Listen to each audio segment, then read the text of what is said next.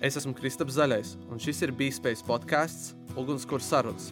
Reizi mēnesī pie ugunskura aicināšu vienu uzņēmēju un iztaujāšu par to, kas reizēm biznesa veiksmju stāstos paliek aizkadrā. Atklāti, patiesi un vaļsirdīgi par to, ko nozīmē būt uzņēmējam. Sveiks, klausītāji! Jaunākajā Bīspējas podkāstu sērijā Ugunskura sarunās pie Kristapa. Mums šodien ir ciemiņš, kurš īstenībā kādā no Bīspējas pasākumiem jau ir bijis. Vienā no mītapiem - Rēnis Čaurēni. Čau, čau visiem, kas klausās. Un, zin kā, Rēni, es varētu daudz un dikti par tevi stāstīt, bet es laikam labprāt iesākšu par to, ka Rēni, ja man būtu arī jāiepazīstina ar tevi klausītājs. Ko teikt, Rēni, par sevi? Um, principā teikt, ka esmu 23 gadus vecs. Vecs jau, ja? Jā, Jelgavnieks. Uh, vecs tādā izpratnē, ka vienmēr pierasts stāstīt jau kaut kādiem skolēniem iedvesmas stāstus par to, kā es pats esmu sācis skolas laikā savu uzņēmēju darbību. Uh, un jā, nu jau vairs pat nejūtos tā, ka stāstītu to skolēniem, jo ir jau tie gadi arī jau pagājuši, kopš mēs sākām. Un tagad jau Tieši tāpēc droši vien esmu šeit un varu pastāstīt arī studentiem, kā mēs arī samērā jaunā vecumā esam sākuši. Un ko es daru? Um, kopā ar kolēģi mēs izveidojām uzņēmumu, kas ražo uh, sporta lentu alternatīvas, respektīvi ručkām, gumijotas sporta nūju ručkas. Mhm. Un, nu jau uh, eksportējam pa visu pasauli, vairāk kā 50 pasaules valstīs, lieto mūsu produkciju. Un jā, tā skaitā arī profesionālai sportisti. Tad uh, Reins ir uzņēmējs. Reins ir uzņēmējs. Mm -hmm. uh, vienkārši es tā domāju, bieži vien uzņēmējs paredz kaut kādu nu, raksturu kopumu cilvēkam stereotipiski. Mm -hmm. Es teiktu, es tāds stereotipiskais uzņēmējs vai nē? Labs jautājums. Um, stereotipiskais. Nu, tur iedomājieties, zinu, kaut kādu seriālu, tur Netflix ar uzņēmēju, un tad ir tas tips. Gribētos jau ticēt, ka neesmu stereotipiskais, bet manuprāt, jau kaut kādas uh, laika gaitā izstrādājis kaut kādas īpašības, kas tomēr ir. No, ja, ja sākām pilnīgi bez nekāda darba laika, bez nekāda brīvajā laikā kaut ko teiksim, tā močījām, darījām, tad uh, bija šī tas tajā ritmā ienākās. Nu, nu, tajā uzņēmēja ikdienā. Bet es īstenībā arī esmu domājis par to, kāds uzņēmējs gribētu būt. Un man uzreiz ir kaut kādi arī savi jēlki, kam varbūt gribētu līdzināties vairāk. Un, ja kādreiz, man liekas, klasiskā atbilde, kas bija visiem, kad paprasa kaut kādu iedvesmojošu uzņēmēju, tad Steve's Jobs vai tagad uh, noteikti ir Ilons Masks kā labs piemērs, bet uh, es sapratu, ka man tā nav, jo viņi bija darba holiķi pilnībā. Un aizvien ir, kad bieži vien kaut kādos mēdījos parādās, ka Ilons guļot uh, savā oficiālā vai kaut ko tādu strādā 24, 7, tad sapratu, ka īsti nē Man labāk, labāks piemērs patīk Ričards Brensons, kas arī ir multimiljardieris un tā tālāk, bet, kad papēta viņa dzīves stāstu vairāk, tad viņš to visu ir būvējis paralēli, tomēr nu, kā, piedaloties dažādos piedzīvojumos. Uh, Viss kaut kur braucot, lecot, darot. Uh, un tagad viņam ir pāri, es pat nezinu, cik daudz gadi, bet tāpat tās sekojot līdzi, redzu, ka viņš tur piedalās velomaratonos un kur tik vēl ne. Tāds aktīvais dzīves stils. Laikam tas tā mērķiecīgi, jo nu, par piedzīvojumiem apskatoties tavu profilu, tur Instagramā vēl kaut kur, tur stirnu buki, tur vēl viss kaut kas. Tad tas tāds piedzīvojums mīls. Pēdējā laikā, jā, kādreiz tā nebija, bet manuprāt, pēdējo divu gadu laikā, tad, kad sākās Covid, tad uh, tie piedzīvojumi kaut kā prasījās vairāk. Mājās vairs nevarēja nosēdēt, un tad, jā, tagad pēdējā laikā aizvien vairāk katru mēnesi, ja ne katru nedēļu cenšos izdarīt kaut ko tādu interesantu. Okay. Nu, kas būtu tāds pēdējais interesantais, ko gribētu pastāstīt citiem? Tu jau minēji, noskrēju stirnu buku. Uh, šogad bez trenēšanās, zaķa distance 12 km, kur nu, iesaku laikam patrenēties pirms, pirms skriešanas. Bet no interesantākajiem piedzīvojumiem pēdējais laikam bija brauciens uz Azoru salām, kas ir okeāna vidū starp principā, Eiropu un Ameriku pa vidu. Ir salu grupa, Azoru salas. Un, tur bijām sērfot. Nokrita daudz vai stabils? Krita daudz. Sērfošana īstenībā, es arī, kad ar citiem runāju, tad um, viņa kā viena no grūtākajiem dēļu sportiem. jo tur tās lietiņas, pie kurām jāpiešaujas, ir gaužām daudz. Bet nu sanāca paķert arī pāris viņas. Un āķis lūpā ir mēģināt Ir, ir, Jā. ir, ir pavisam noteikti. Okay. Tas kaut kas tāds, jā. Liekas, mums Latvijā zina tāds tāls, bet uh, Jā. nodarbojās, nodarbojās cilvēki. Pāvilos tā. Jā. jā, jā, jā, tad tad iztērpos skaties un brīnies, vai ne? Jā. Kā viņiem tas sanāk. Bet uh, atgriežoties tiem piedzīvojumiem, piedzīvojumi vajadzīgi, jo vienkārši kaut ko gribās, vai tā ir tāda iespēja, nezinu, iegūt plašāku redzesloku, vai vēl kaut kas cits. Nu, kā tu skaidrot pats, kad, labi, viens, nu, teica, tur Covid sācies, bet, nu, gan jau tas nebūtu tik noturīgi un tik ilgi, tas nebūtu kaut kāds iemesls dziļāks. Es par to pats domāju. Uh, man ir tā, ka man ir grūti atslēgt smadzenes. Tā kā un smadzenēm vajag atpūsties. Tad, kad esmu iekšā, kā es mēdzu aizstrādāties kā no agrā rīta līdz vēlam vakaram. Un, uh, Citreiz pat ir grūti ai- aizmigt, ir tāpēc, ka smadzenes aizvien kaut ko darbojas un domā, ko kā labāk varētu izdarīt, ko varētu attīstīt. Un šie ceļojumi vai kaut kādas tādas lietas, kas prasa tādu pilnu fokusu, kur tu nevari padomāt par neko citu, manuprāt, ļoti, ļoti palīdz. Es zinu, citiem tā varbūt ir meditācija, tad tie piedzīvojumi ir tas, kas varbūt palīdz atslēgt manu smadzenes no vispārējā. Mm -hmm. Un vēl tikai paturpinot nu, par tiem iedvesmojošiem uzņēmējiem, tu vienkārši aizskries priekšā tādam tipiskam jautājumam. Bet, nu, ja tev būtu iespēja uzaicināt uz tām vakariņām, jebkuru uzņēmēju vai cilvēku, tas, tas tāpat būtu Brensons vai tomēr būtu kāds cits cilvēks? Hmm. Laikam jau, ka būtu Brensons. Tā kā, jā. Un ko tu viņam jautāt? Vai, vai no tādām reizēm, kuriem ir klausītos ar muti vaļā? klausītos droši vien ar muti, muti vaļā, bet tā, principā aktuāls jautājums, manuprāt, ir, kā atrast un izvēlēties tos īstos cilvēkus savā komandā. Dažreiz miljonu vērtēs, vai ne? Jā jo man nu, komanda ir tā, kas tomēr močī visus priekšu. Un, ā, Nav tik viegli atrast tos cilvēkus, kuriem var ar tādu pašu teiksmi un dzirkstelīt acīs iet uz priekšu kā pats. Un gribās jau to atrast, bet nevienmēr sanāk. Un uh, tad uh, es atlaidu arī cilvēkus, nu, jo teicu, ka sanāk, ka tāds zirgstēl nav. Uh, jā, ir sanācis arī to izdarīt. Bet tas pat ir tā kā, labi, manuprāt. Ja tā kā piemēram, mēs nejūtam ar Akselu, uh, draugu un kolēģi, mm -hmm. ar ko mēs kopā izveidojam šo firmu, un ja mēs nejūtam, ka ka nu, nav kaut kāds tas īstais connections, tad visticamāk tas otrs cilvēks arī nejūt. Un tad nav jēga mocīt sevi, nav jēga mocīt otru cilvēku. Tad vienkārši šķiramies un meklējam, kā, kā turpināt uz priekšu. Tik Nav- viegls tas čiršanās, ja? Nē, galīgi nav viegli, bet uh, ir teiciens uh, Sārai Blakelijai, kas Spanks izveidoja, kas ir zeķibīgs sievietēm kaut kas to Ja es teikšu, ka es zinu, tad es melošu. Jā, viņai arī interesants stāsts ir, var papētīt par viņu vairāk, un viņai ir teiciens, kas ir um, tā kā pieņem darbā cilvēku lēni, bet atlaid ātri. Nu, kā izve... Tas man arī bija secinājums pēc tam atlaišanām, ka vairāk laika tomēr jāpievērš uzmanība, ko mēs tieši algojam un ņemam, un ņemam savā komandā. Bet, uh, jā, aizgājām interesantā ceļā, bet mēģinot atgriezties pie tā, varbūt uh, nu, tava paša tāda uzņēmuma stāsta. Nu, cik daudz uh, ir tas ir produkts un cik da- daudz tas vienkārši mums bija pirms uh, visu sākās runājām tur par hokeju vispār. Jo, cik liels tu esi vienkārši fans tajā lietai, ko tu dari? Noteicīgi pamatā tie ir hokeja ekipējums. Tu teiksi, ka tu esi arī fans vai tomēr? Uh, es teiktu, ka es personīgi es esmu fans uh, procesam. Uh, kolēģis Aksels, viņš ir, uh, nu kā mēs arī visi sākām, viņš ir hokejists, un tā bija problēma, kas bija viņam.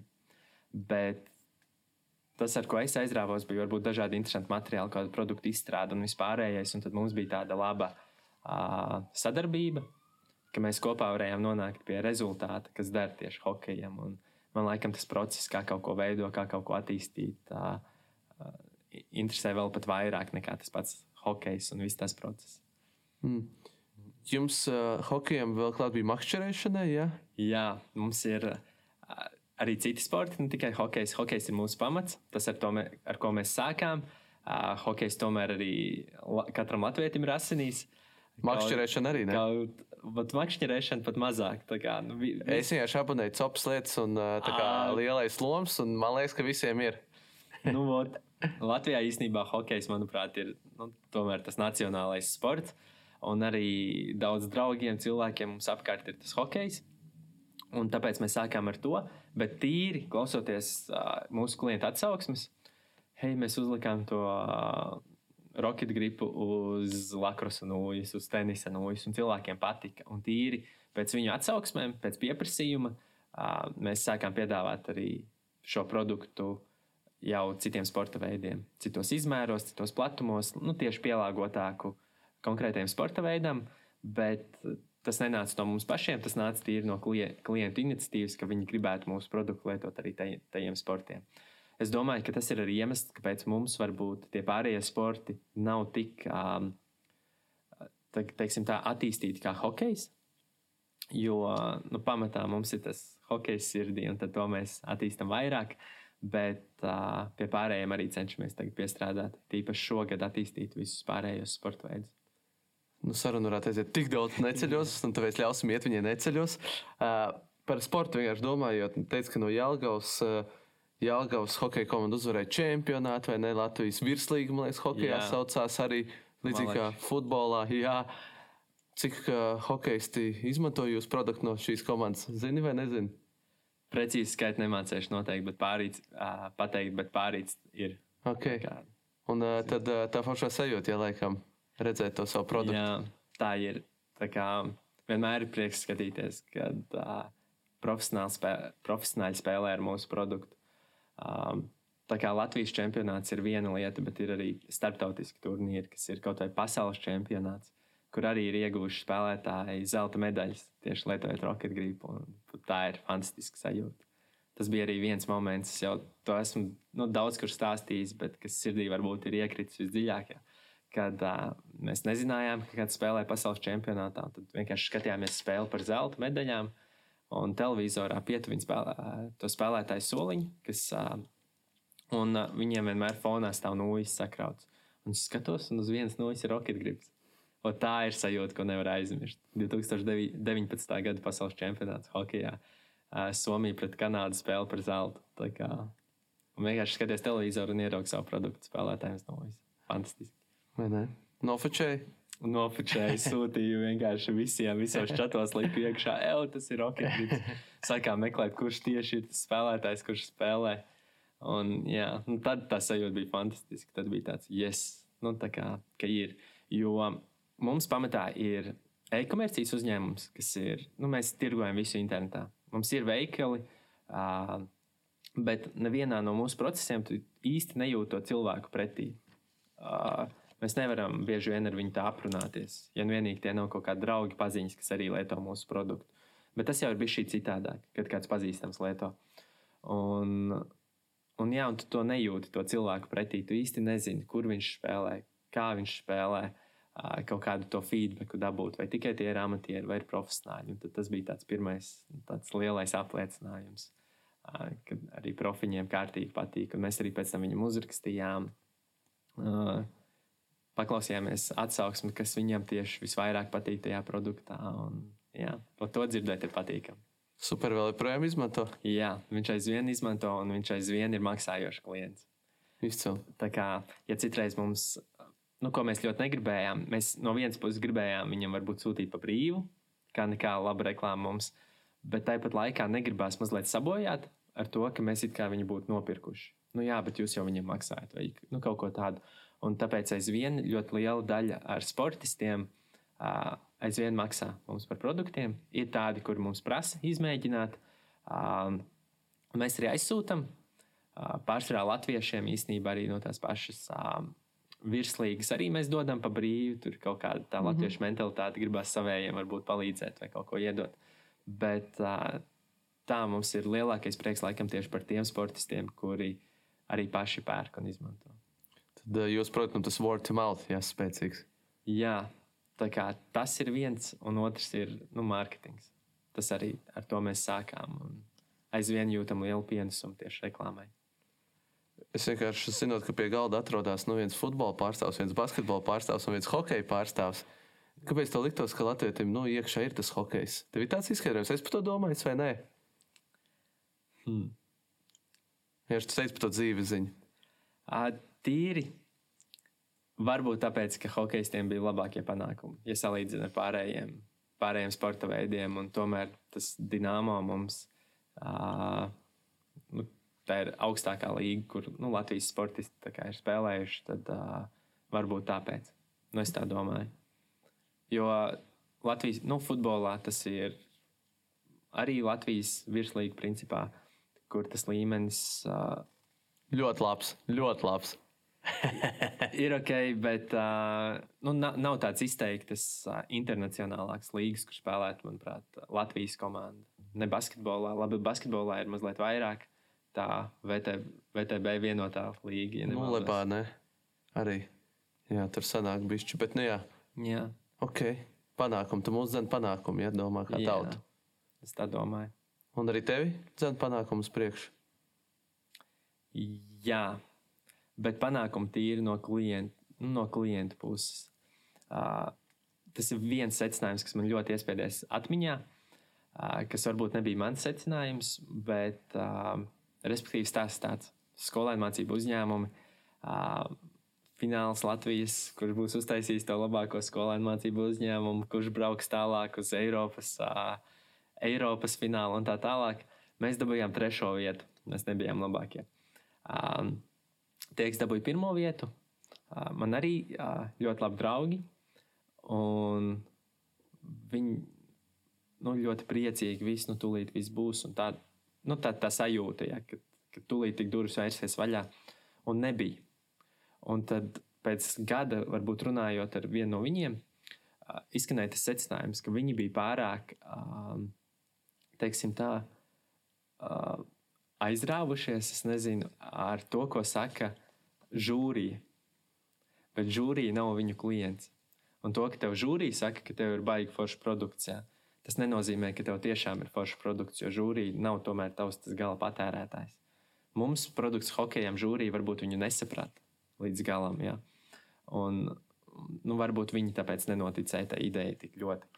Un, jā, mums katrā ziņā tas varbūt arī šī piebremzēja, parādīja, ka ir vēl kaut kur augt. Tad, kad viņi vienā konkursā dabūja pirmo vietu, otrā, trešajā, ja viņi, tā žūrija nevienmēr var būt profesionāli tieši tavā produktā. Un to ir, ot, it kā panākums ir, bet vajag paturēt, uh, novilkt šī sevi pie zemes un tieši padomāt par to klientu. Vai tā kārtējā balva, ko tu esi dabūjis, vai to tev ir iedevis klients, patērētājs tavs, vai tomēr cilvēks, kurš varbūt tavu produktu tik ļoti nesaprot un viņu nelieto ja mēs tā domājam nu, par tiem teicieniem, tad tas teiciens? Nav svarīgi, cik reizes tu tur dabūji uh, pa seju, bet svarīgi, cik reizes tu piecelies. Un, kas varbūt jums bija tā veiksmes atslēga? Kāpēc jūs nu, kā nepadevāties? Nu, tur, zin, kā bieži vien tur liekas Latvijā, no serijas no pirmā vieta, otrā nav. Nu, tādā mm. ziņā. Bet jūs turpinājāt iet uz priekšu un tā veiksmīgi attīstīties.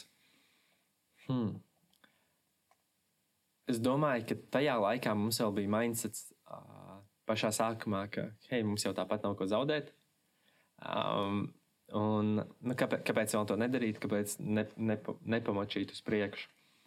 Uh, tas bija kaut kas tāds, kas noteikti lika turpināt. Jo nebija tā, ka tikko mēs uztaisījām, ka mums viss izšāva un viss aizgāja.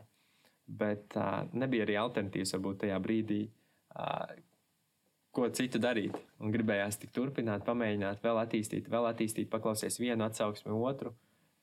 Padomā, ko uzlabot un močī uz priekšu. Domāju, jā, mēs ticējām tam produktam, mums tas likās kaut kas uh, labs un ka var aiziet. Un, jā, kaut kā, kaut kā veiksmīgi nepazaudējām motivāciju to darīt.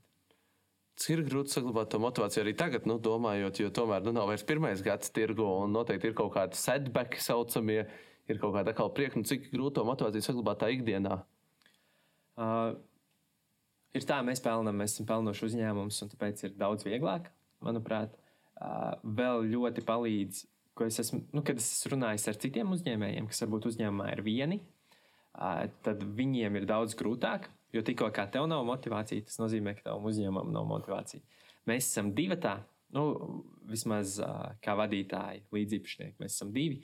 Un, ja vienam nav motivācija, vai vienam nu, kaut kā, nezinu, sliktāks periods dzīvē, tad, vai kaut kāds aizņemtāks ar skolu vai kaut ko tādu, tad vienmēr ir otrs, kuram varbūt ir tā motivācija. Un tad mēs tā pamīšam viens otru kaut kā bīdam uz priekšu.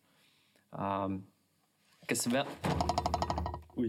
Es tev pabīdīju. Ja? Jā, pakaļāsim. uh, bet kas vēl ir uh, noteikti. Uh,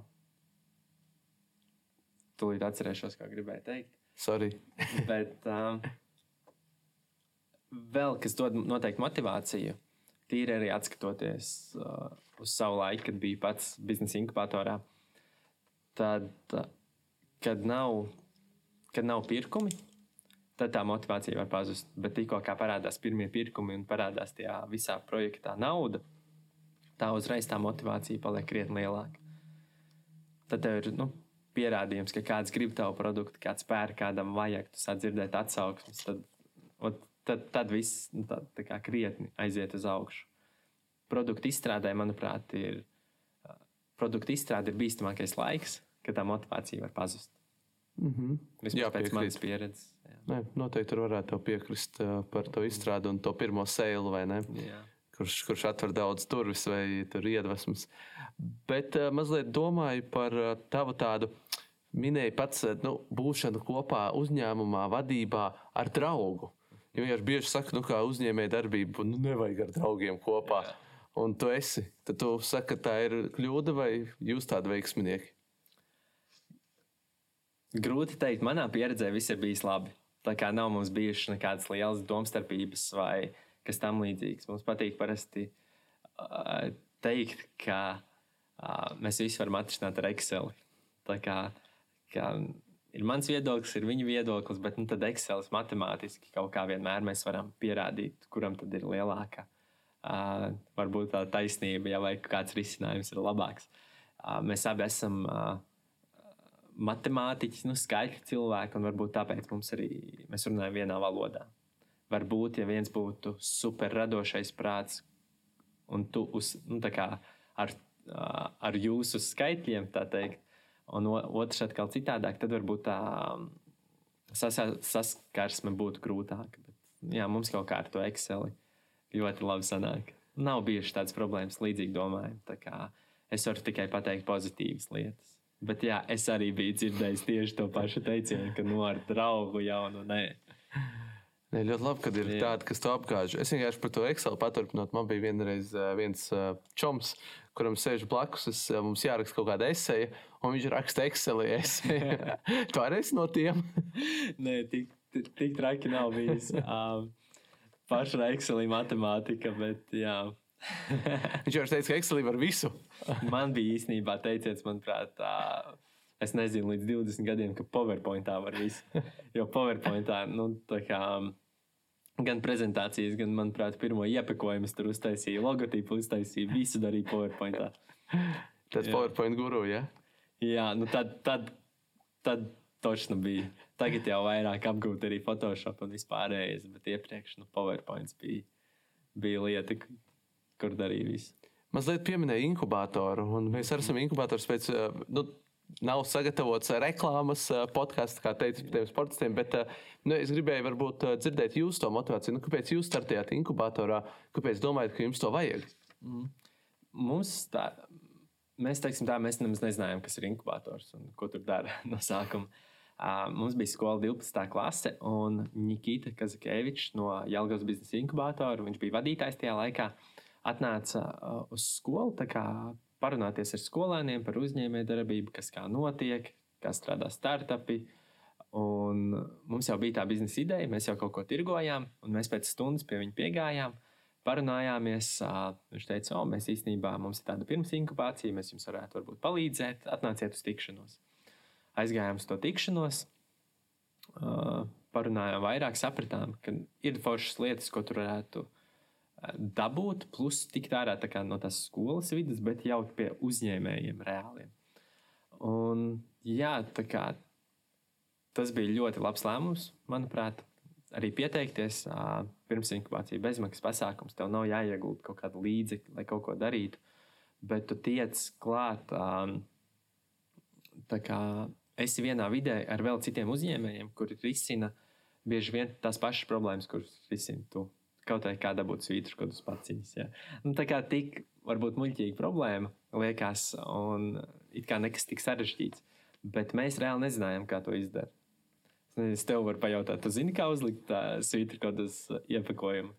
Nu, lai tās sistematizētu, laikam nu, lai, es teiktu, nē. Jā, nu, lai vat strādātu arī maksimāli un visur citur varētu pievienot. Bet tas nav standartizēts viens kaut kāds veidojums, ko izmanto. Un tad ir, un, un, ir jāpiesakās sistēmai, jāmaksā tur gada maksas un vispārējais, un var dabūt, bet kur to darīt, kam rakstīt. Nu, tā, nu, nav, tā kā nezini īsti ar ko sākt, bet tajā brīdī mums ir inkubatora čats, ierakstam, hei, kurš ar to var palīdzēt, piecās minūtēs tev ir piedāvājumi bez mazai, kur kā iet, ko darīt. Jā.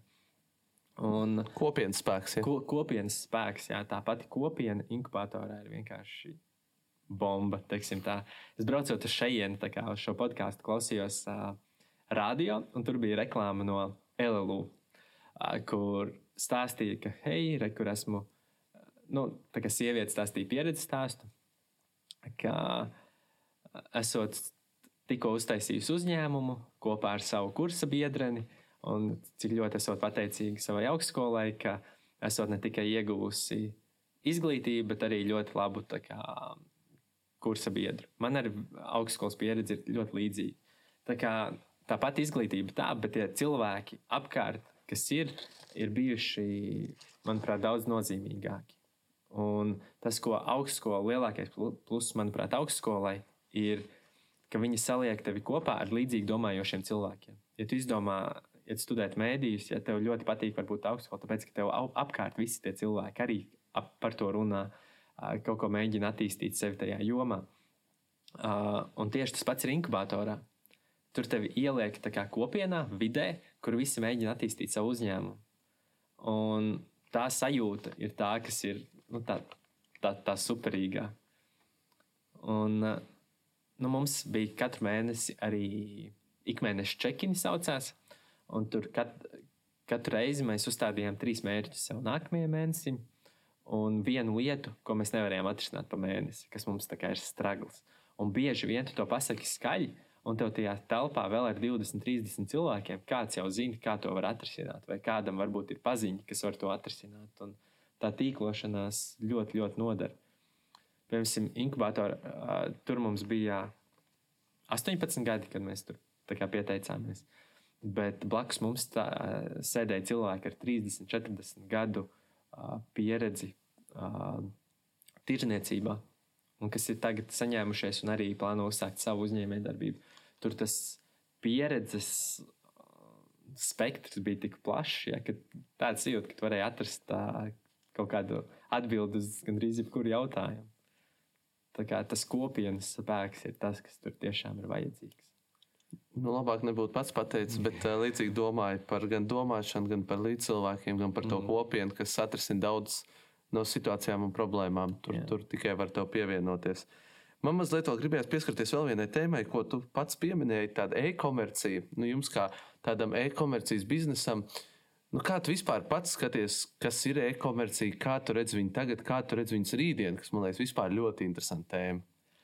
Um, e-komercija ir un nekur viņa tā pa lielam nepazudīs. Uh, manuprāt, tikai pārņems aizvien vairāk un vairāk. Kā, uh, nu, mūsu kā, ikdienas paradums, man liekas, Covid ir perfekts piemērs, ja, kas uh, parādīja, ka visu var nopirkt internetā, visu var piegādāt, arī pārtiks produktus. Var tev kāds piegādāt, uh, un pat ne sliktākus. Ja. Un, uh, jā, Um, Par to e-komercijas rītdienu. Jā, un uh, e-komercija kā tāda nekur nepazudīs. Um, un uh, tā tūlītās jānoformulē. Pilnīgi mierīgi. Tik ilgi pauze nebūs ierakstījusi kārtībā. Jā, jā. Skorāt, jā. Arī labs jautājums īstenībā par to e-komercijas rītdienu. Uh, es, es zinu, ka ir uh, arī daudz dažādas teorijas. Amazons ir milzīga platforma. Ja, ja, nu, ja pieskaramies jau tā daudz detalizētāk, tad, ja nemaldos, tad Amazons Amerikā sastāda vairāk kā pusi no pilnīgi visiem internetā veiktiem pasūtījumiem. Ja, kas ir pilnīgi kosmos. kosmos. Un viņiem nav pat mazas komisijas. Viņi tāpat tās komisijas ir diezgan lielas, un tas, ko viņi pelna, tas ir nu, tiešām wow. Um, es domāju, ka tur kaut kas varētu mainīties. Godīgi sakot, es zinu, ka Shopify, kas ir mājaslapa platforma, veidos sev ļoti lielu kaut kādu backend sistēmu ar fulfillment centriem un visu pārējo, ka, ka tur kaut kas attīstīsies. Um, bet tas, kas man vēl ir tādā, uh, teiksim, tā nezināmā pasaulē, ir tieši tie visi NFT. Un, un tās lietas, cik ļoti viss notiks metaversā, un kas, kas notiks ar to e-komercijas sadaļu, jo tā arī ir savā ziņā e-komercija. Uh, īstenībā par šo tēmu varētu ilgi un dikti diskutēt. Tieši gribēju teikt, jā. Uh, tā kā es sekoju līdzi kaut kādiem trendiem, kas kā mainās, un tas, kas man liekas, ir pilnīgi superīgi, ir, ja nemaldos, bija Japāns uzņēmums, kurš atsūta tev tādu teikreklu, uh, tādu tā kā kādreiz bija tie kostīmi, kur tev ir ļoti pieguļoši, bez mazliet tāda tā termotērpa. Tu tādā ietērpies, viņš ir tādiem tā sensoriņiem un punktiņiem. Tu sabildēji sevi no visām pusēm, un viņš pēta, cik tas katrs punktiņš izstiepies ļoti kaut kādā attiecīgajā punktā. Un tad viņš automātiski izveido tavu e-profilu, un viņš saprot, kā, kā tās drēbes uz tevis izskatīsies tieši tā auguma formā un kaut ko tādu. Es domāju, ka mēs aizvien vairāk redzēsim kaut kādus tādus risinājumus. Individualizēti. Jā, jā. Mm -hmm. nu, lai to visu atvieglotu vēl vairāk. Bet jā, nu, e-komercijas nākotne ir vienkārši. Nu, Skaista limita. Jā, ļoti, ļoti, ļoti liels limits. Ne, ne limits, bet ļoti liels attīstības iespējas. Es vienkārši pieskaros mazliet Amazonai. Mm. Ir vienkārši tā teorija par šiem lieliem uzņēmumiem, bet nu, varbūt tā nav viedoklis, bet varbūt ir, ja jau sanāks iespēja parunāties ar uzņēmēju. Uh, nu, kad šie lielie uzņēmumi ir pārāk lieli, un attiecīgi mums ir jāsāk viņus regulēt, jādala pa daļām. To pašu Amazon jādala web servisus, piemēram, vēl kaut ko. Facebook jāsadala pa daļām, jānoņem tur WhatsApp, Instagram, katrai savs. Kā tu šo skaties? Vai ja vienkārši tas, ko teicu, 50% gandrīz no visa no e-komercijas tirgus vienam spēlētājam, nu, kā jau runājām, kosmiski. Um, godīgi sakot, es laikam neredzu, kā tas nu, praktiski tiktu izdarīts. Es zinu, ka var atdalīt, un ka tas pats uh, Facebook ļoti cīnījās, kā, lai viņus neatdalītu, bet es līdz galam neredzu. Nu, Tāpatās, nu, kas, kas pa lielam mainīsies? Nu, serveri būs citur, ja būs vēl viena papildus kaut kāda īpašnieku saime vai kaut kas tamlīdzīgs. Es neredzu īsti līdz galam, kā kaut ko tādu varētu nokontrolēt. Jo nu, ir ērtāk, nu, ir ērtāk visiem būt Google, nevis katram lietot tur Yandexu vai uh, Yahoo un visus pārējos. Un man ļoti jau arī pašam gribētos, lai būtu vai, varbūt vairāk tie mazie servisi, nebūtu tāds viens liels Amazon milzis, bet uh, ir ērti. Un kamēr neat, neatrisinās to problēmu, ka arī citas lietas būtu ērtas, tikmēr, manuprāt, nekas, nekas nemainīsies. Nu, ir traki, ja paskatās uz skaitļiem uh, par Facebook un Google. Tad uh, uh, no katra bija, bija reāli dati, ka no katra startupos piesaistītā eiro 40% aiziet uh, Facebook un, Facebookā un Google. Reāli no piesaistītās naudas, fandotās 40% tiek vienkārši lieliem uzņēmumiem. Kārtējs kosmiskais cipars. Jā, un tā kā tie uzņēmumi ir tik lieli, ka mēs, manuprāt, par to neaptveram.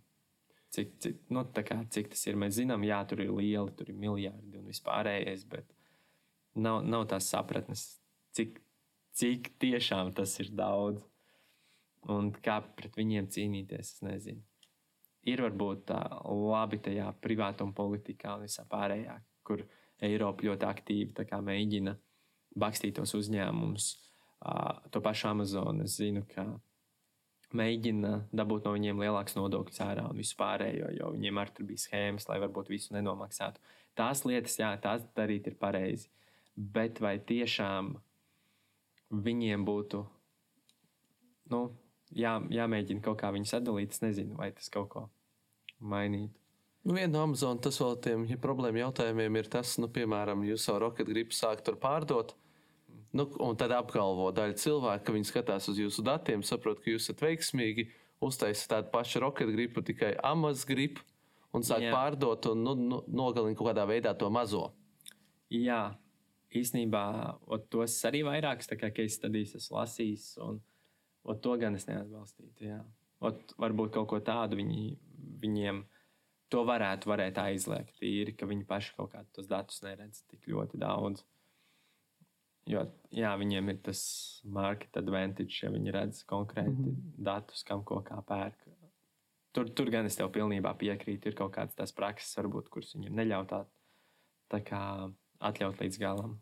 Arī par to, ka citreiz ir tie, bija minēts, ka tie Amazon produkti, kas ir Amazon Basic un visi pārējie, ka rankojas augstāk nekā citu cilvēku produkti. Jā.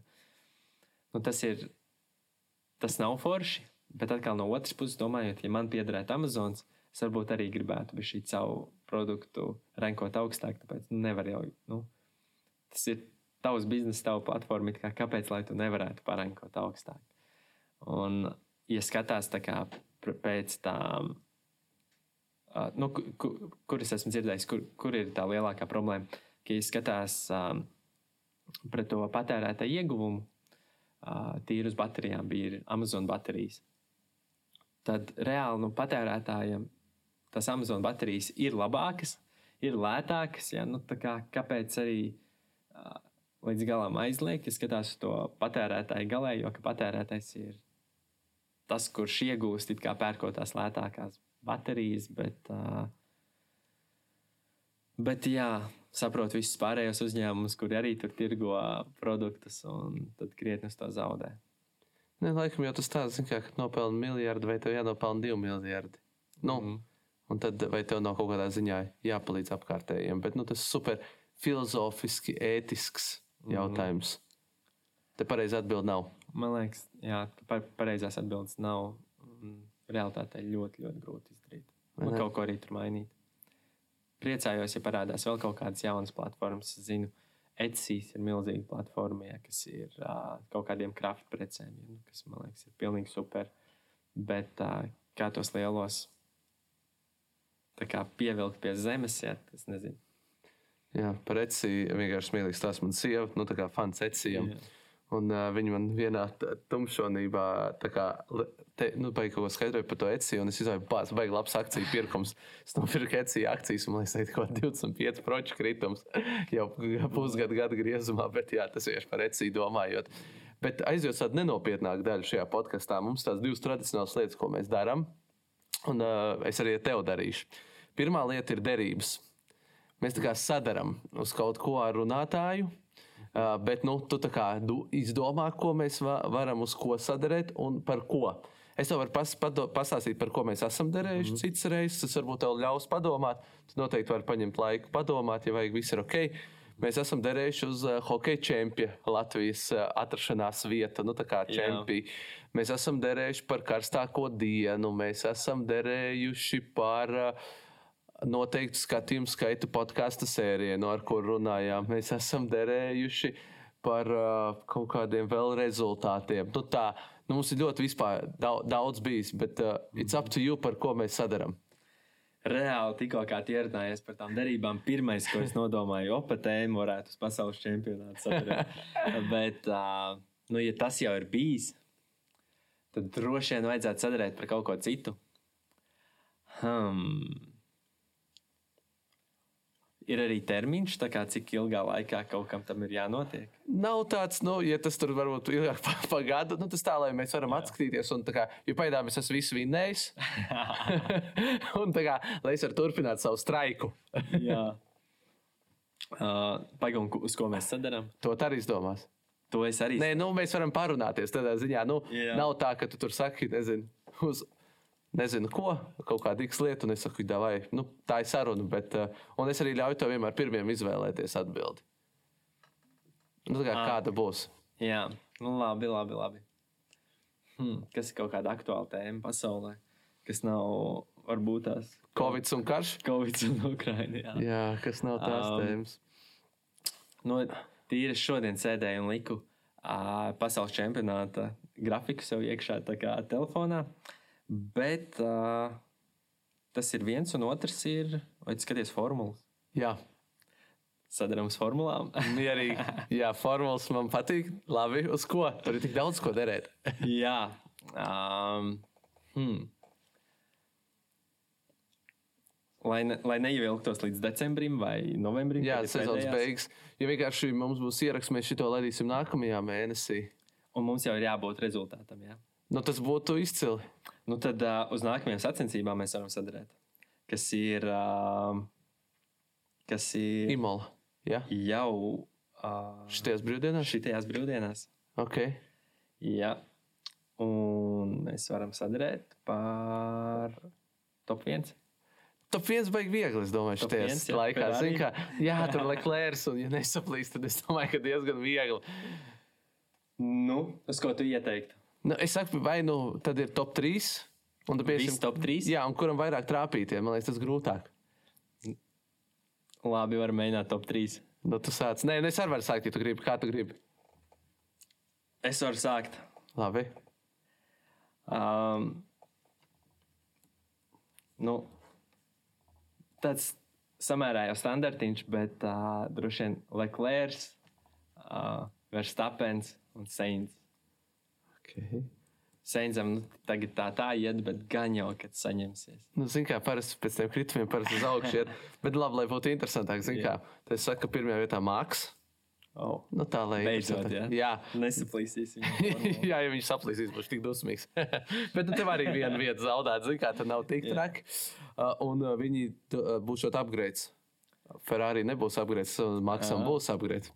Tāpēc es saku, otrais Leclerc. Mhm. Nu, un, lai būtu interesanti, man trešais jāpasaka kaut kas cits. Nu, Zini, kā mērķis kaut kā haļavās visu laiku izlien, man liekas, šo sezonu pēkšņi uz izlien. piedestālu.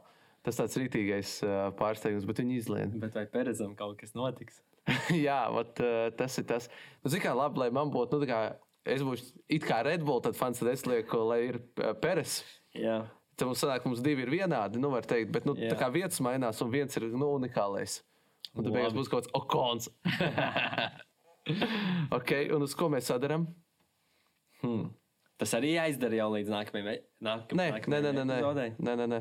Vajadzētu kaut ko traku sad, uh, Jā, sadarīt. jā, mēs parasti mēģinām kaut ko traku. Es varu pastāstīt, ko mēs esam derējuši. Nu. Man ir tagad šīs pēdējās derības, bet viņas vēl man iet. Tās ir uz kaitošanu Pāvilostā. Oh. Man ir uz surfingu bijis, man ir bijis viņš kaut kāda, ar kādu skateparku lejā pa kalnu maukt kaut kādu. Man ir bijis vieglāks, es esmu vinējis saldējumu. un es esmu pīcis kā, nu, no tā cilvēka, kurš zaudēja, viņš uztaisīja pīci man. Okay. Jā, Paigunot ar, ar skateboardu jau aizbraucis. nē. Mums bija, izstāstīšu uzreiz stāstu, mums bija pagājušajā gadā pavasara korporatīvais pasākums savu komandai. Un mēs uh, paņēmām longboard dēļus un aizbraucām uz, uh, ja nemaldos, tā bija priekuļu biatlona trase, Jā, uh, kur nu, visa nosvaltēta un pa kalniem braucām ar tiem, ku, uh, tiem dēļiem. Un bija diezgan labi kritieni arī. Bija vat, uh, vienam, vienam no kolēģiem. Uh, viņš normāli paņēma uz pleciņu, un viss ple, visā, visādi plecam bija principā noskrāpēta asinīm. Saliedējāties, jā. Mēs ļoti salīdzinājāmies. Tas bija ļoti labs pasākums, mūsuprāt. Um, uz ko mēs, mēs varētu. Uh, ko mēs varētu izdarīt? Kā tev ar skriešanu? Nu, baigi nesmu labs, bet, nu, zini, pa kādreiz futbolu spēlē, it kā varu skriet. Opa, nu tad jau varētu. Tad uh, skrienam nākamo stirnbuku. Bet uzsauc tas, kas. Ah, okay. ā, Bet, nu, tā kā var izvēlēties to distanci, ja tur. Nu, vai tā kā mēs noliekamies 12, piemēram. Mazo nevajag 12. Piecītis, un tad ir 12 nākamā, ja? 12, jā. Labi, tas jau. ok, tā tad otram uzsauc 12. uz Jā. tirnu bokā nākamajā posmā. Nu, kad, kad ir skaidrs rezultāts. Jā, jā. ok. Ļoti labi. Būs iemesls paskriet. Jā, jāpatrenējas. Jā. Noderēs. No pieredzes. Saka. es domāju, man vispār tā kā es neesmu skrējis, es nezinu, cik ilgi. Jā. Bet, nu, ķipa ritenes brauc gan jau, cerams. Bet, uh, kur ir nākamais tirnu bokas posms? Riekstu kalnā, ja nemaldos. Šis tas slikti būs. jā, Kalnēni. jā, tur ir rīktīgi kalnaini. Ok. Labi. Esam pirmo tad izgājuši derības, kā sagaldā. Man Redbull nepievilks, es ceru. Man Redbull maika, kas ir. Oh, Jā, tad jau pagājušā sezonā arī bija Red Bull fans. Nē, ja, ja godīgi, smieklīgs arī stāsts. um, Nu, kaut kā man uh, nu, reizēsies tā doma, ka dažādi sports, kurus es skatos, nu, un patīk kaut kas, nu, kaut kādā veidā finansiāli jāatbalsta. Mm. Es tur piemēram nopirku Latvijas futbola virslīgas, tur komandas maiku vienas, tur uh, vēl kaut ko, un tad man likās, nu, formula patīk, nu, kaut kādā veidā jāatbalsta. Tas, kas tev mm. patīk, nu, protams, tā kā saka, tur viņiem miljoni, bet, nu, tā kā es nezinu, var atļauties tu tur kādu, nezinu, mīļākās komandas maiku nopirkt. Mm. Un es tā kā skatos, un, ja tā godīgi, nu, nav tāda viena mīļākā komanda. Nu, nav tur Šumahera laikā, ka Ferrari patīk. Nu, tagad ir Šumahers, bet, nu, tā, bet, nu, nav tāds, zini, viens, kas Jā. tev baigi patīk. Un, un tad es vienkārši skatījos, kas bija uz labāko akciju. un, jā, un nereāli laba akcija bija tāda pumas Red Bull maikai. Smieklīgi, viņš pa lielu ir, bet reāls akcija, un tā man ir Red Bull maika. Un uh, kopš man ir tā maika, Red Bulls visu laiku izstājās. Un, uh, man, visu, man visu laiku liekas, ka mans uh, tēkrakls ir vainīgs. Mainicība īstenībā ļoti labs punkts. Tā kā hokejam, ja kāds uzliek uh, rocket grip un labu spēli, tad rocket grips ir uz palikšanu.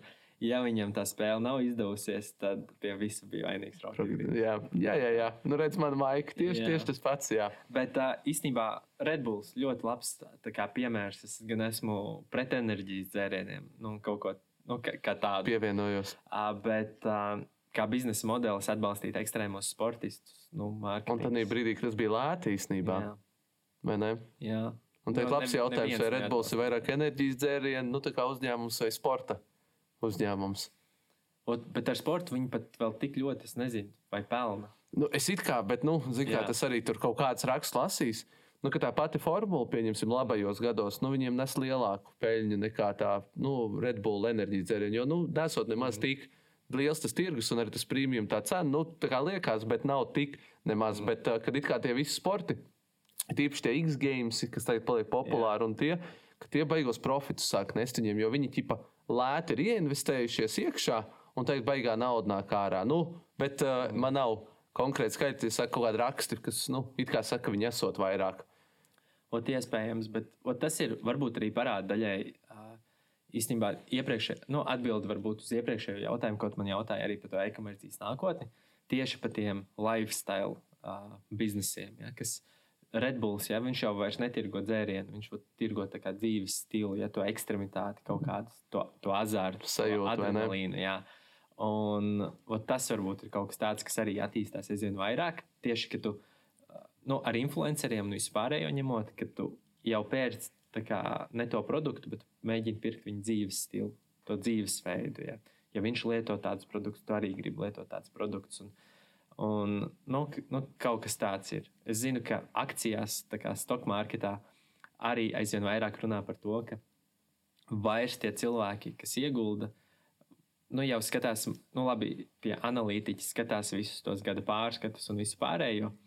Bet, kad teiksim, tā cilvēks parastais ā, skatās ā, tieši uz to pašu brendu, vai viņam patīk tas brands, un kā viņš iegulda kā, to tajā, ko viņš pats lieto, kas viņam patīk. Un aizvien tādu piemēru ir vairāk. Un par produktiem tas pats. Tur uh, atkal tikai var pievienoties, jo, kā, man liekas, mēs tagad jau bieži vien sajūtam pērkam vairāk nekā pašu nu, tā produktu, ja ne brendu, kā, jo, nu, būsim godīgi, nezinu. Mums ir pulksteņi, katram vai ne, teikt uz rokas. Un arī kaut kādā ziņā mēs jau esam pirkuši. Nu, mums tik plaša izvēle bija, bet kāpēc mēs nopirkām konkrēto produktu? Un Jā. tas ir labs jautājums, vai tas ir dēļ tā, ka mēs jau paredzējām, ka tas ir labākais, vai dēļ tā viss, kas ir apkārt konkrētiem produktam. Mm. Nu, tā, tur, tur tev var pievienoties. Šis, uh, šis noteikti labs punkts. Bet uh, paiet tālāk pie tā otra uh, uzdevuma, bet tas mazliet vieglāks, bet no dažiem grūtāks. Labi. Uh, mēs vienkārši samainamies vietām. Un, attiecīgi, tev ir jautājums man. Tu vari pamocīt mani. Jē. Um, tā kā es par tevi daudz ko nezinu, uh, pastāsti pirmkārt savas attiecības ar uzņēmējdarbību. Tas būs kā pirmais jautājums. Uh, un varbūt īstenībā pēc tā arī būs nākamais. Varbūt Okay. Būs jāstāsta, kad dabūšu atpakaļ. Jā, uh, jā uh, interesants stāsts visticamāk par manu uzņēmēju darbību. Es no tajā brīdī neesmu aktīvs uzņēmums, man nav savs IA, vispārējā. Tas, ko es esmu darījis, kad bakalaura laikā studēju, man uh, studēju starptautisku ekonomiku, komerces diplomātiju, tādu programmu, un parādījās tikko, man liekas, pirmie startup stāsti Latvijā. Kaut kādi tur, zini, startup konkursi, pitch events, tu tur neko nezini. Universitāte rīko to aizēju, ūķi, baigi forši. Izrādās, jūs tur pieci esat uzvarējuši, tik labs. Uh, uzvarējām to, aizbraucām uz MIT, tādu Massachusetts Institute of Technology Global Startup Workshopu. Tur aizbraucām, uh, tikām līdz desmitniekam, tikām līdz pieciniekam, un tad tur arī apstājās stāsts. Bet uh, foršu pieredzi dabūjām, dabūjām investoru. Pēc tam mūs no tās idejas izmeta. Mēs neko tālāk neuzinājām, kā dabūjām investoru. Nu, skarbo pieredzi dabūjām. Nākamajos gados startējām vēl citādos. Tagad, te, zin, tie piču konkursi sākās, un tev tas āķis lūpā ir. Gājām uz vienu otru, dažus uzvarējām, dažus izgāzām. Nu, kā jau šī pieredze. Un uh, kaut kādā brīdī sākām braukt apkārt uz tiem pasākumiem. Un sapratām, ka tāda vispār nav Latvijā. Nu, kaut kā tādi nu, normāli piču eventi, tur iedvesmas stāstu, vakar, nu, kas tur normāli, tur nezinu, mīta. Nu, tāda vispār Latvijā nenotika nē laikā. Un tad mēs, studenti, esam bakalaura pēdējā gadā uztaisījām savu tādu būstu. Buma Rīga, kur mēs sākām studentiem paši stāstīt, aicināt uzņēmējus vispārējo. Uz pirmo pasākumu pāris simtus dabūjām dalībniekus, visiem tur likās kosmos un tā. Un, uh, no tā arī kaut kādā ziņā sākās tās visas inkubātoru kustības universitātē. Bet uh, mēs, uh, es arī savu bakalaura maģistra darbu rakstīju. Īstenībā es biju viens no tiem zinātniskiem pētniekiem, kas pētīs īstenībā tādu uzņēmēju darbības atbalsta sniegšanu, kā to veiksmīgi darīt. Un uh, es īstenībā tādu inkubātoru izveidu bija mans bakalaura darbs. Īstenībā, kā izveidot inkubātoru, un pēc tam uztaisīt inkubātoru, nu, tas tāds, kā tu kaut ko rakstu un norealizē, tas tā foršais stāsts. Nu, jā, un tad uh, man jāatzīst, gan man, es neesmu bijis, nezinu, kā ar tevi, bet uh, es neesmu bijis no tiem, kuriem man citu uzņēmēji nāk un saka, pats kādu dienu pat trīs idejām ir. Es, man tas nav. Nu, es nevaru tur. Man nav tās trakās vai veiksmīgās foršās idejas, bet tas, ko es saprotu, ka es uzņēmēju darbībā var daudziem palīdzēt augt, attīstīties. Un uh, es strādāju vairākām biznesa idejām, no tādām interesantām saprapeļu kosmētiku. Esmu mēģinājis Latvijā un vēl dažādas tādas interesantas produktus. Nu, jā, no turienes aizgāju vispār uz tādu baigi interesantu tēmu kā izglītība. Un tagad esmu atrapies izglītībā. Mm. Izglītība īstenībā ir kaut kas tāds, kas arī mani kā, savā ziņā saista. Es bieži vien esmu kaut ko padomājis par to, kā kaut ko varētu attīstīt īstenībā reizes nedēļā arī staigāju savu veco, veco iepriekšējo vidusskolu, kurā mācījos. Jālgaus valsts gimnāzija, un reizes nedēļā runājos ar skolēniem. Tie ir arī Super. uh, atbalstu viņus, kā, palīdz realizēt viņu kaut kādas biznesa idejas, vai tīri pastāstīt par, par kaut kādām interesantām lietām, ko es būtu gribējis kā, zināt tajā laikā. Un nu, izglītībā ir spēks, un kas tad veidos to mūsu nākotni, ja ne mēs paši. Jā, jā, tur baigi jākpilna, bet nu, Tas ir labās un sliktās dienas. Vēl viens jautājums, kā, vai tev ir piecgadus plāns? Desmit gadus. ir desmit gadus. Nu, man tagad ir 31, lai tur būtu prezidents vai 40. Nu, tā ir desmit. nav slikti. jā, jā, nav tā ar čalīdzi. Bet, uh, ja, ja tā nopietni, tad. Uh, nav jāstāsta varbūt detaļās. Nē, nē, nē. Bet, uh, vispār par plāniem, par, par, par plāniem uz vairākiem gadiem. Par, jā, kaut kas tāds. Jā, nu man piedzimst dēls pavisam nesen, septiņu mēnešu. Šodien apsveic. tieši jāpaldies. Un, uh, līdz ar to nu, tas kaut kādā ziņā maina tavas prioritātes un domas. Bet uh, ir, es teiktu, ka uh, ir mans godīgais punkts. Nu, tev ir kaut kāds.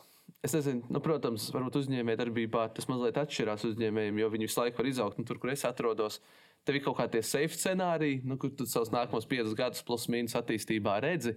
Un, uh, tur izaugt, attīstīt lietas, skolu, attīstīt, attīstīt universitāti. Nu, tās lietas var darīt, ietekmēt novadu, nu, kur attiecīgi esat deputāts. Nu, kādas lietas tu vari forši darīt, un, un, un tās ir arī jaunas tev.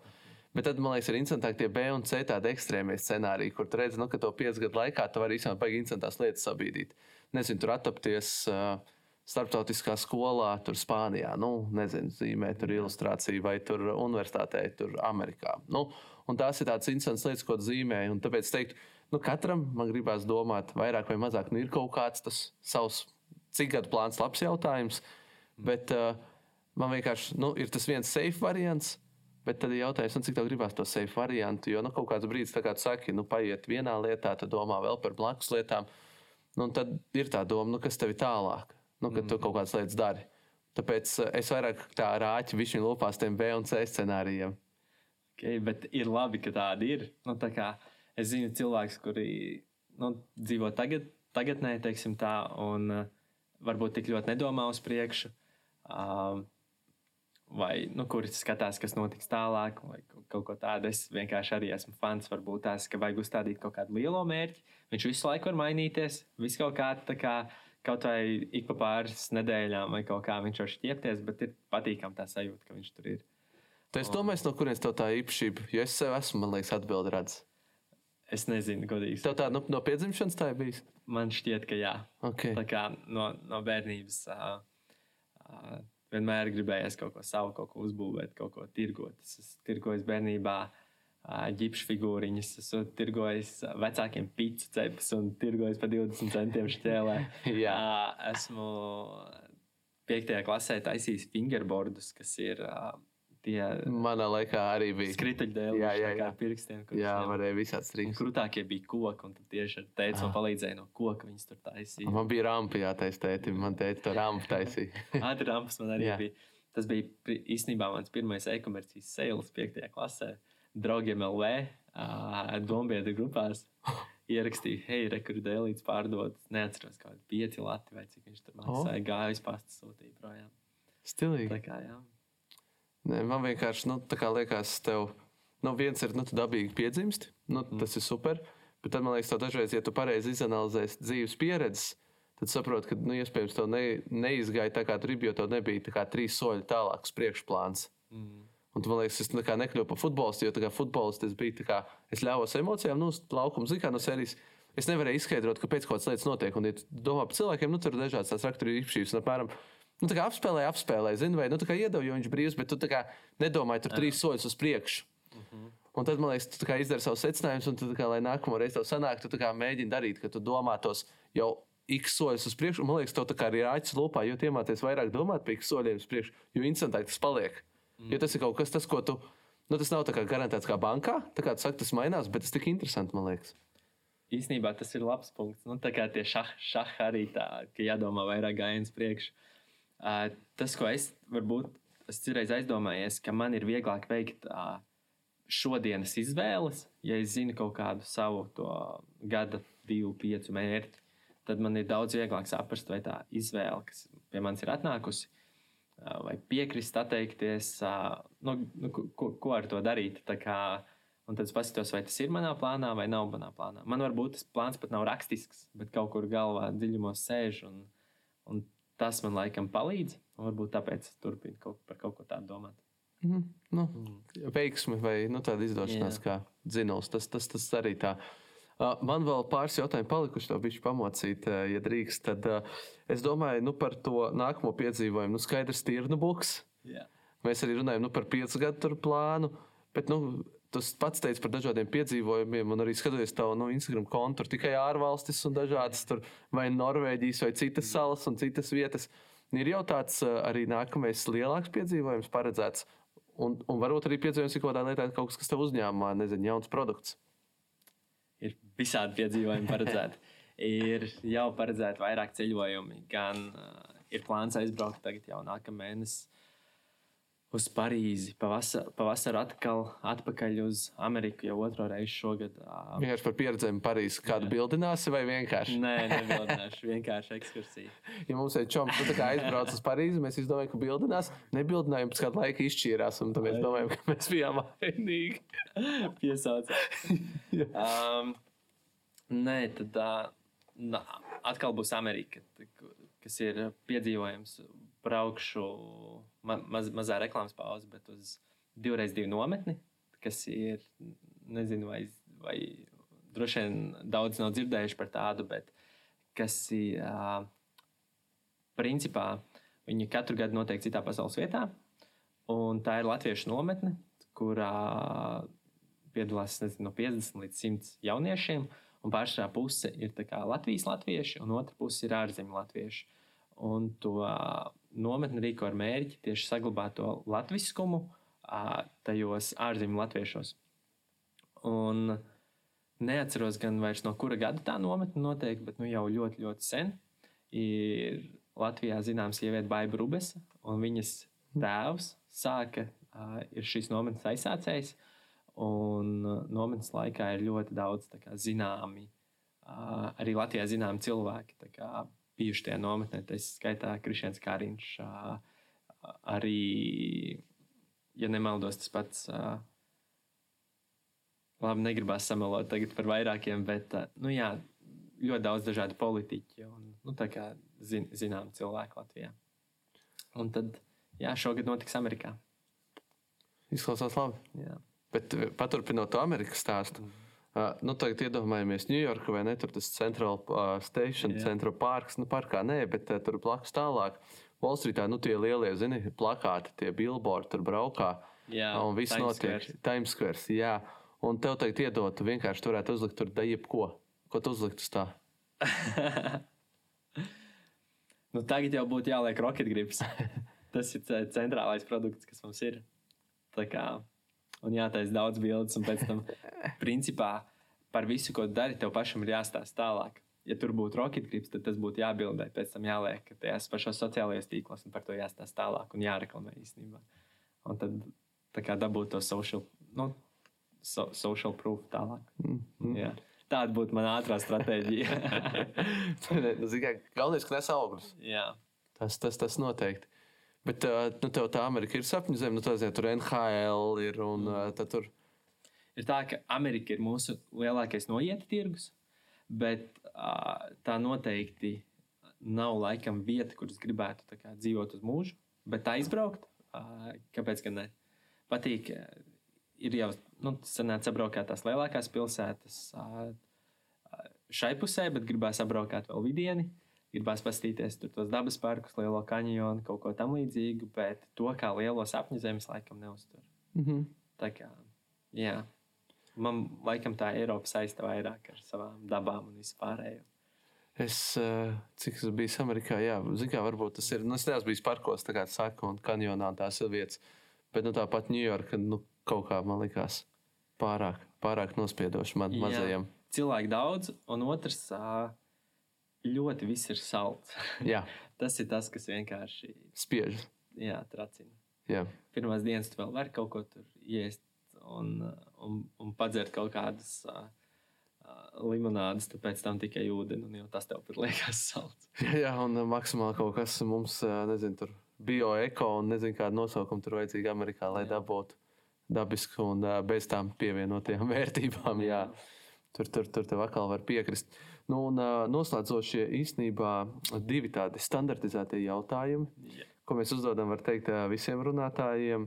Nu, attiecīgi, sāksim ar pirmo saistīts ar jums un varbūt ar to, ko tu dari. Nu, ja atkal mēs tikko runājam par to billboardu, bet, nu, ja tu gribētu, nezinu, skatāmies, cik gadu tu gribi termiņā, bet uh, ar ko tu gribētu palikt cilvēku atmiņās. Un nevis tā, ka tu nomirsti, bet nu, pēc tā, ko tu būtu nezinu, sasniedzis, izdarījis, zināms. Un, un tā kā Brensonu mēs zinām, un viņš nav nomiris. Nu, tādā ziņā tas nav tikai. Jā. Otrs filozofiskais jautājums. Uh, interesanti īstenībā arī pak paklausīšos, ko pārējie ir atbildējuši. um, bet jā, tas noteikti nebūs tikai uzņēmējdarbība, bet kaut, kas, kas ir dots arī uh, no cilvēkiem pēc tam atpakaļ. Vai nu tas ir kaut kādā tajos piedzīvojuma stāstos, uh, iedvesmās, bet uh, man pat varbūt tās neprasās tik lielu nu, to atzinumu no pārējiem, nu, to ierakstu vēsturē. Bet uh, drīzāk, ka tu esi palicis kaut vienam cilvēkam vairāk kaut ko nu, atstājis vai ietekmējis. Un tad, uh, ko es varbūt gribētu darīt, būtu pēc iespējas vairāk cilvēku kādos piedzīvojumos vai kādās afērās. Ar to jau man pietiek. Nav vajadzīgs kā un, nu, kaut kas tik nu, grandios, teiksim, tam līdzīgi. Ļoti labi. Nu, un tāds noslēdzošais, redzēs, vieglāks vai grūtāks. Nu, tādas trīs mēs parasti, bet nu, var arī vienu, ja tev. Kas būtu tas, ko tu ieteiktu tam studentam, skolānam, nezinu, vai varbūt arī vienkārši cilvēkam, kurš klausās šo podkāstu un grib iedvesmoties no uzņēmēja un uh, pats kaut ko grib, nezinu, ar ko par ko sākt, ko tu ieteiktu? Piesakies biznesa inkubatorā. Rekla, reklāma. Bet um, vienkārši sāk darīt. Tā kā labāk laika nebūs, kā tagad. Tā kā labākā diena, lai sāktu, bija vakar. Un principā saprotu vienkārši, zinu, ka ir tas uh, trīskāršais P, PPP metode, ja, kas ir pacēla, ne, PSP metode, pacēla savu pakaļ. Efektīvi. Efektīvi, manuprāt. Um, ja, ja pareizi pielieto, tad vienkārši paņemt un sākt kaut ko darīt. Ja? Nu, tā kā uzrakstīt pēpastam dienā kaut kādam mazam darbiņam. Nu, labāk laika nebūs. Nebūs tā, ka tev būs vairāk laiks vai kaut kādas labākas sakari vai nu, kaut kas tamlīdzīgs. Viss attīstās tikai darot. Tā kā es esmu rītīgs fans tai idejai, ka, uh, ka tev arī nav varbūt jāuztaisa līdz galam perfekti kaut kas līdz tam launčam. Labāk uztaisi un tad uh, attīsti. Nu, tā, Nu, lean princips pil- bišķiņ, jā. pilnveido. Jā. Mhm. Tā kā nebūs īstais brīdis nekad. Problēmas paliks tikai aizvien vairāk. Tā kā, it īpaši tā kā arī nu, jauniešiem, varbūt, kas klausās, ja nu, pēc tam sāksies. Uh, Nezinu, līzinga mašīnai, kredīti dzīvoklim, bērni, sievas, kāzas, uh, vi, vispārējais. tā Kā, būs vēl grūtāk. Nu, tā kā vieglāk nepaliks. Tagad kā, liekas grūti, kad tuvojas kārtējs eksāmens. Nu, nē, tas nav Bet nu, kā Netflixā jaunā sezona. tik grūti. Ot, jā, Netflixā jaunā sezona. Kaut ko tādu gan vajadzētu. Jo man vienkārši bieži vien studenti to piemin. Jā. Es arī skatos Netflix, bet uh, kaut kā var visu apvienot. Vajag varbūt ierobežot, neskatīties, neizsēdēties uz visu sezonu. Bet uh, vienkārši ir jādara. Vajag nospraust kaut kādus ot, mazos mērķus, ja? likt pats sev deadlines. Skolēni, studenti visi ir pieraduši pie deadline, eksāmena deadline, mājas darba deadline. Uzliek sev arī deadline savam tam uzņēmumam nav vienkārši uzlikt tie deadline, tāpēc arī neko nu, tā nesanāk darīt un grūti sev motivēt. Jo es taču varu to izdarīt rītā, un tad rītā var izdarīt parīt, un tad at, at, Nākamgad. vēlāk. Jā. Man patīk, kā, ka es esmu, man ir to-do lists, un principā man ir sadalīti darbi, kurus varētu izdarīt principā jebkurā brīdī, ja, kas ir arī tagad. Un tad ir kaut kādi darbi, kuri man kavē, jo kaut kas cits nav izdarīts, vai kāds man kaut ko nav atsūtījis. Ja. Bet to, ko var izdarīt tagad, nu, to var vienkārši paņemt un izdarīt. Nu, kā kaut vai nosprāst stundu dienā un pa tiem dažiem darbiņiem paiet uz priekšu. Nu, var vienkārši saņemties un darīt. Un tagad ir tik daudz kas viegli. Nu, tā kā daudz vieglāk. YouTube var atrast atbildes gan arī uz visiem jautājumiem. Ja tikai gribi meklēt, vai ne? Jā. Un īsnībā da, es esmu dzirdējis teicienu, ka jā, nu, tur YouTube tagad jau viss tāpat bez mazliet tikai reklamē tur savus kursus vai kaut ko tādu. Bet uh, es arī kādreiz, kad mācījos Facebook reklāmā vai kaut kā tamlīdzīga, noskatījos tik daudz kontekstu, un varbūt tajā katrā 15, 20 minūšu video klipā bija reāli minūte, kas bija vērtīga. Bet tu jau tā atsijā tās zināšanas un paņem to, kas ir vajadzīgs tev. Es nezinu, nevienu, kurš pateikt, ka augstskolā viss bija pilnībā vērtīgs, ja, ka katra lekcija bija vērtīga. Nē, tu vienkārši sēdi tajā augstskolā, klausies un arī paņemsi to, kas tev tajā brīdī ir vajadzīgs visvairāk. Un, nu, vienkārši vajag saņemties un darīt. Nu, ko? Tad Gara atbilde sanāca. Ļoti labi. bet, ļoti ar, labi. īs- bet ar tādu mazu īstenībā PSP. PSP. Jā. Jā. Uh, nu, ko, uh, Reini, jāsaka tev liels paldies par sarunu. Lai veiksmīgi nākamie piedzīvojumi. Paldies, ka uzaicinājāt. Un tad jau skatīsimies, kurš kur pēc tam stirnu būkā. Nu, kaut ko pa pavilksim arī, ja nu kas. Labi, Jā, paldies tev, čau, čau. čau! Šis ir Rīgas Reņģa Universitātes biznesa inkubātora BSPACE un studentu mēdīs skaļāk veidots podkāsts. BSPACE ir radīts ar mērķi atbalstīt un veicināt inovāciju, līderības un uzņēmējdarbības iespējas RSU studējošiem. Podkāstu vadīju es, Kristaps Zaļais, klausīšanai sagatavoju Andris Strautiņa, Ričards Vasiljevs, Krišjāns Bite un Diāna Surgunte. Klausies mūsu studentu mēdījā skaļāk un populārākajās podkāstu vietnēs Spotify, Apple podkāsts, Google podkāsts un citur. Interesē uzņēmējdarbība vai tas, par ko mēs šeit runājām, droši seko mums Facebook kontā BSpace vai arī studentu mēdījā skaļāk.